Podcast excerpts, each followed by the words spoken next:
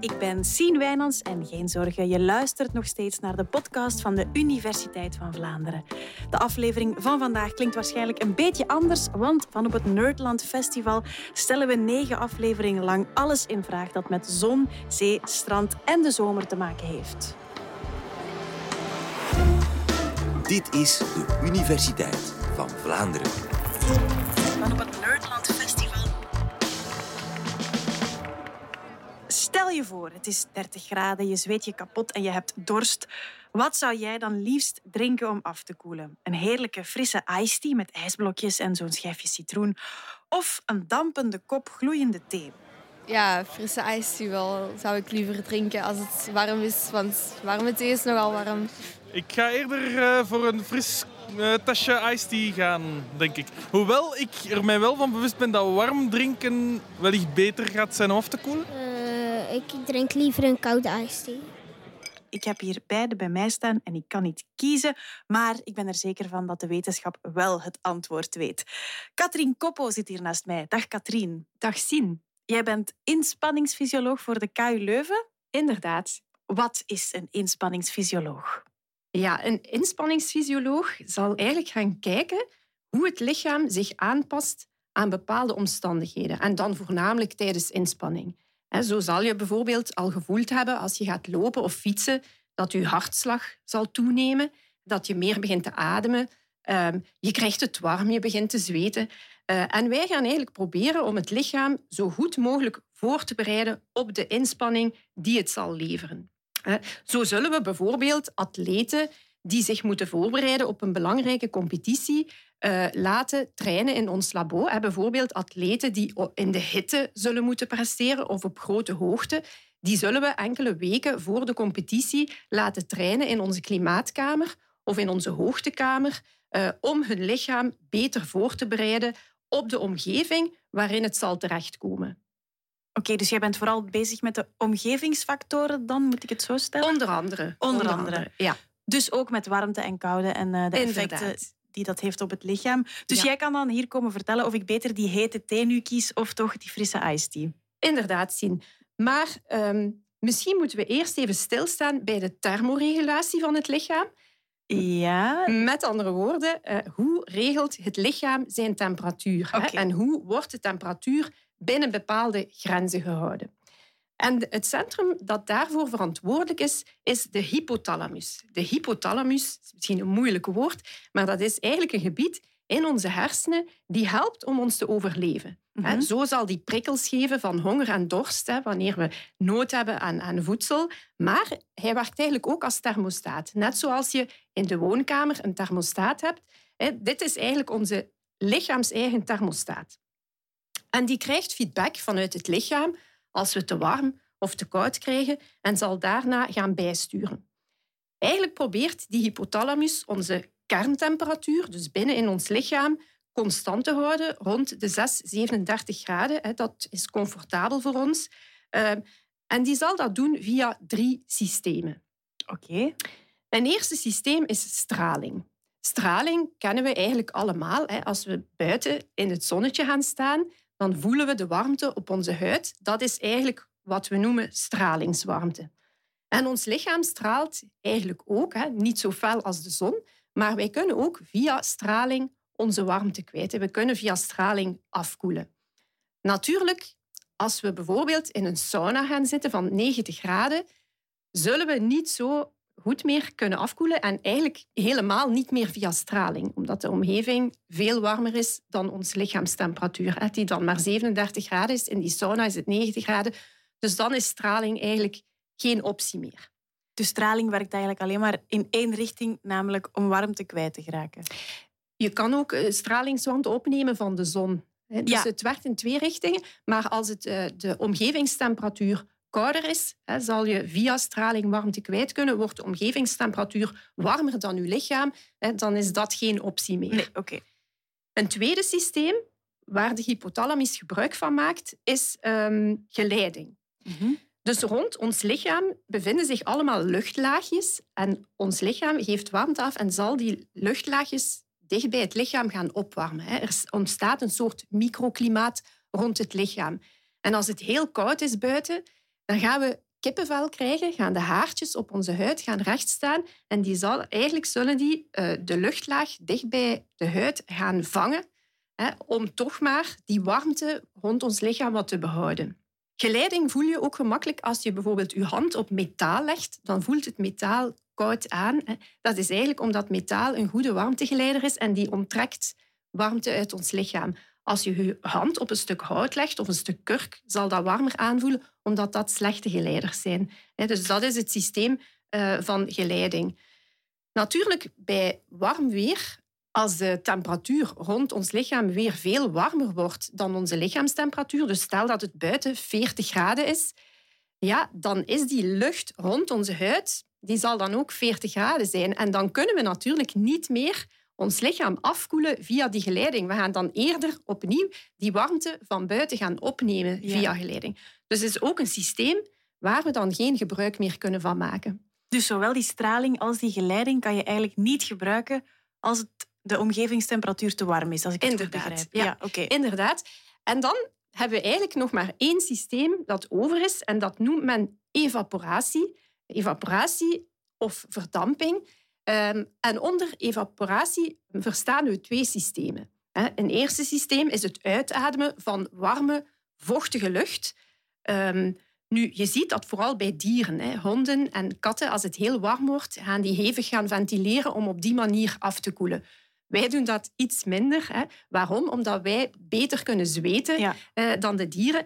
Dus dit is ook een onderdeel van die evaporatie, hè, het verdampen van zweet. Want uh, zweten op zich koelt je niet af. Dus elke druppel zweet die op de grond valt, zal u niet helpen afkoelen. Het is ah. eigenlijk het zweet dat moet verdampen, want dit proces onttrekt warmte aan ons lichaam. Op je huid moet die zweetdruppel verdampen. Ja, dus het is pas als de zweetdruppel verdampt dat je via dat systeem zal afkoelen. Dus op een hete zomerdag, waar het buiten dan 40 graden is, is dat nog het enigste systeem via het welke we zullen kunnen afkoelen. Oké. En kunnen we ons lichaam dan helpen? Bijvoorbeeld door, ik denk maar, ja, als je uit een zwembad komt, heb je natuurlijk onmiddellijk heel erg fris, dat dan daardoor. Ja, als je uit het eh, zwembad komt, ben je ook nat. Hè. Je hebt ook druppels op het lichaam. Ehm, dat zullen dan geen zweetdruppels zijn, maar water van het zwembad. Ehm, en dan hangt het ervan af of het buiten, uh, hoe warm het buiten is. Als het buiten bijvoorbeeld um, redelijk fris is, hè, dan, dan zal je koud hebben, hè, want het zweet zal verdampen. En je voelt het eigenlijk nog veel meer als er uh, wind op u blaast. Hè, want dan hebben we um, convectie, hè, de af, dus het microklimaatje dat dan rond uw huid is, wordt continu weggeblazen. Dus je zal nog meer gaan verdampen en je krijgt het plots heel erg koud. Ja, ja, dat zijn dus dingen die we van buitenaf kunnen doen. Maar nu komen we natuurlijk tot de kern van onze vraag. Inderdaad. Kunnen we van binnenuit ook iets doen? Inderdaad, dat kunnen we zeker. Um, er is onderzoek gebeurd waarbij men uh, de hoeveelheid zweet uh, mat tijdens het drinken van een warme drank van 50 graden en het drinken van een koude drank van 10 graden. En men zag dat je meer uh, begon te zweten bij de drank van 50 graden Celsius. Maar natuurlijk, uh, ja, meer zweet betekent hè, misschien meer verdamping, in het juiste klimaat dan wel.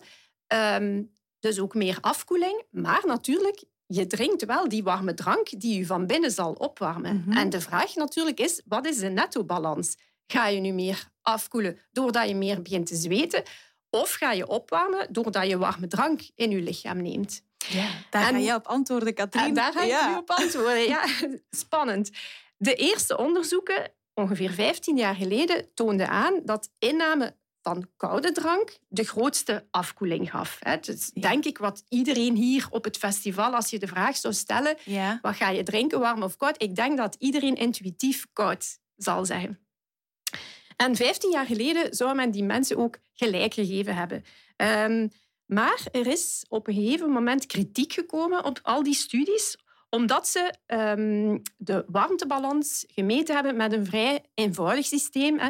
Men heeft eigenlijk de kerntemperatuur gemeten binnen in ons lichaam en de temperatuur op de huid. En enkel aan de hand van die twee parameters hè, heeft men dan besloten dat de inname van koude drank tot de grootste afkoeling leidde. Ja, Katrien, je bent bezig over onder andere de kerntemperatuur van je lichaam, maar hoe meet je die? Uh, ja, je kan dat op verschillende manieren meten. Um, je kan het rectaal meten. Dus bij rectaal brengt men een thermometer in via uh, anaal. Ja. Uh, maar tegenwoordig hebben ze al meer gesofisticeerde technieken en tegenwoordig slikt men eigenlijk een thermometertje in dat dan een weg zal zoeken door je lichaam en tijdens de baan door het lichaam de temperatuur zal registreren. Oké, toch iets aangenamer dan via die andere weg, denk ik. Misschien wel. en dus ze hebben al die studies opnieuw gedaan met die uh, verbeterde techniek. En wat vonden ze? Dat het drinken van warme dranken, hè, van 50 graden Celsius, dat je inderdaad meer begon te zweten, dat wisten we al. Maar dat je ook netto meer warmteverlies had dan een drank van anderhalve graad Celsius. Oké. En klopt dat dan als ik denk dat je dan begint te zweten door die warme drank, omdat je hypothalamus denkt, mijn lichaam is veel te warm, ik heb warmer dan 37 graden, dus er moet warmte weg, dus je begint te zweten. Inderdaad, ja. dat is een van de systemen. Hè. Dus inderdaad, de meest logische verklaring. Uh, uw hypothalamus voelt ja, dat lichaam krijgt hier te warm, we moeten afkoelen, we gaan beginnen zweten. Uh, maar men heeft gezien dat het eigenlijk zelfs al veel vroeger begint, nog voor die hypothalamus kan voelen dat uw lichaam uh, opwarmt. En dus men denkt, men denkt niet, ondertussen weet men het, dat er ook thermosensoren zijn in de maag en de slokdarm die die zweetproductie kunnen aansturen. En heel recent heeft men zelf ontdekt dat er receptoren in onze mond zijn die warmtegevoelig zijn. Ehm, en die zijn eigenlijk ook gevoelig, en dat is misschien ook een interessant weetje, voor capsaicine. Capsaicine is een stofje die in de rode chilipeper zit. Vandaar, als je koud op een rode chilipeper, kan je ook plots enorm hard beginnen zweten. Ja, ja, en dat is daardoor. Ah, oké. Dus zowel het drinken van een warme drank als een uh, pikante chilipeper eten kan je helpen met afkoelen. Inderdaad. Ja. Oké. Maar Katrien, je zegt dat onderzoek is nog maar van 15 jaar geleden eigenlijk bijgesteld. Maar ze geven toch wel al heel lang in de woestijn bijvoorbeeld hete dranken. Dus daar wisten ze dat al langer dan. Ja, blijkbaar zijn het uh, daar ervaringsdeskundigen en hebben ze op een of andere manier toch gevoeld dat het beter werkt.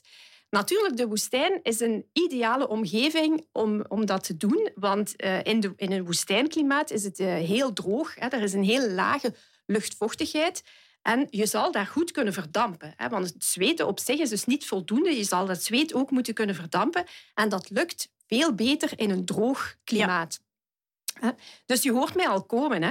Als je natuurlijk je ergens bevindt in, in het noordoosten van uh, India, waar er gebieden zijn met een luchtvochtigheid van meer dan 90 procent, mm daar ga je eigenlijk bijna niet meer kunnen verdampen. En ik denk dat het daar dan ook geen goed idee is om dan nog warme drank te gaan nemen en op die manier je systeem eigenlijk te gaan opwarmen. Ja, dan is die netto-winst waar je het daarnet over had niet meer aanwezig. Ja, klopt volledig. Oké. Er zijn nog andere zaken natuurlijk waar we rekening moeten mee houden. Hè. Bijvoorbeeld de kledij. Uh, als je uh, stevige, dichtgeweven kledij aan hebt, dan zal uw zweet ook niet kunnen verdampen. Hè. De kledij zal het eigenlijk volledig opnemen. Dus als het uh, heel warm is buiten, is het best van lichte kledij te dragen of zelfs hè, blote armen, blote benen, dat het zweet uh, goed kan verdampen. Ja. En een andere factor waar we rekening kunnen mee houden is dus die convectie. Dus herinner u dat microklimaatje rond uw lichaam, die, die luchtlaagjes uh, die opgewarmd worden, maar waar ook natuurlijk uw zweet in terechtkomt. Uh, als we dan bijvoorbeeld een ventilator op ons zetten of op de fiets, waarbij dat je continu die luchtlaagjes wegblaast en meer ruimte maakt voor meer uh, verdamping, ja, dan voelt dat meteen veel fijner aan. Ja, ja, ja. Maar Katrien, als we dan dus even teruggaan naar deze situatie. Ja. Het is vandaag een zomerdag. Het is niet zo super warm, maar we stellen ons toch eventjes voor dat het 30 eh, graden is. Kies ik dan best in dit Vlaamse klimaat nu een warm theetje of toch mijn frisse iced tea?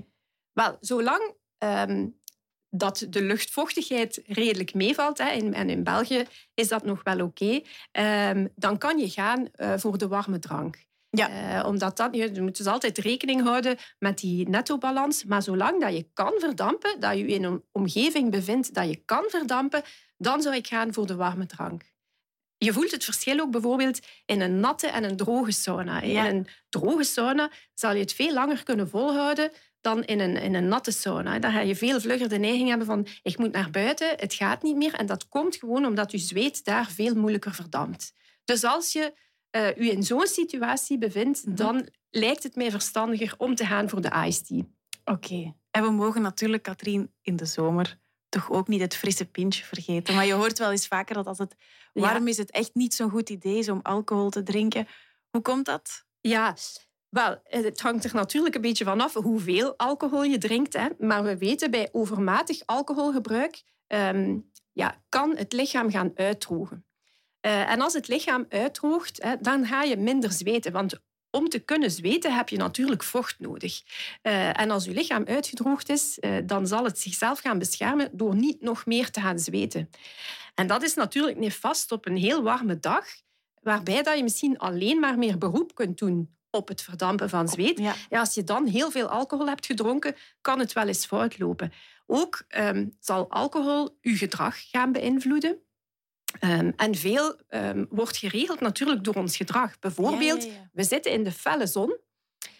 Ja, op een gegeven moment krijgen we het te warm. We gaan in de schaduw gaan zitten. Of we zitten bijvoorbeeld in een heel warme ruimte. Hè, plots denken we, het is hier veel te warm, we gaan naar buiten. Maar als je heel veel alcohol hebt gedronken, vind je het plots allemaal niet meer zo erg. Hè. Blijf je veel langer in die zon zitten. Meer zelfs, je kan eigenlijk zelf in slaap vallen in de zon. Hè. Dus dan loopt het helemaal fout. Dus uh, ik zou zeggen, als je veel deugd kan hebben van een frisse pint, hè, laat die vooral uh, niet links liggen.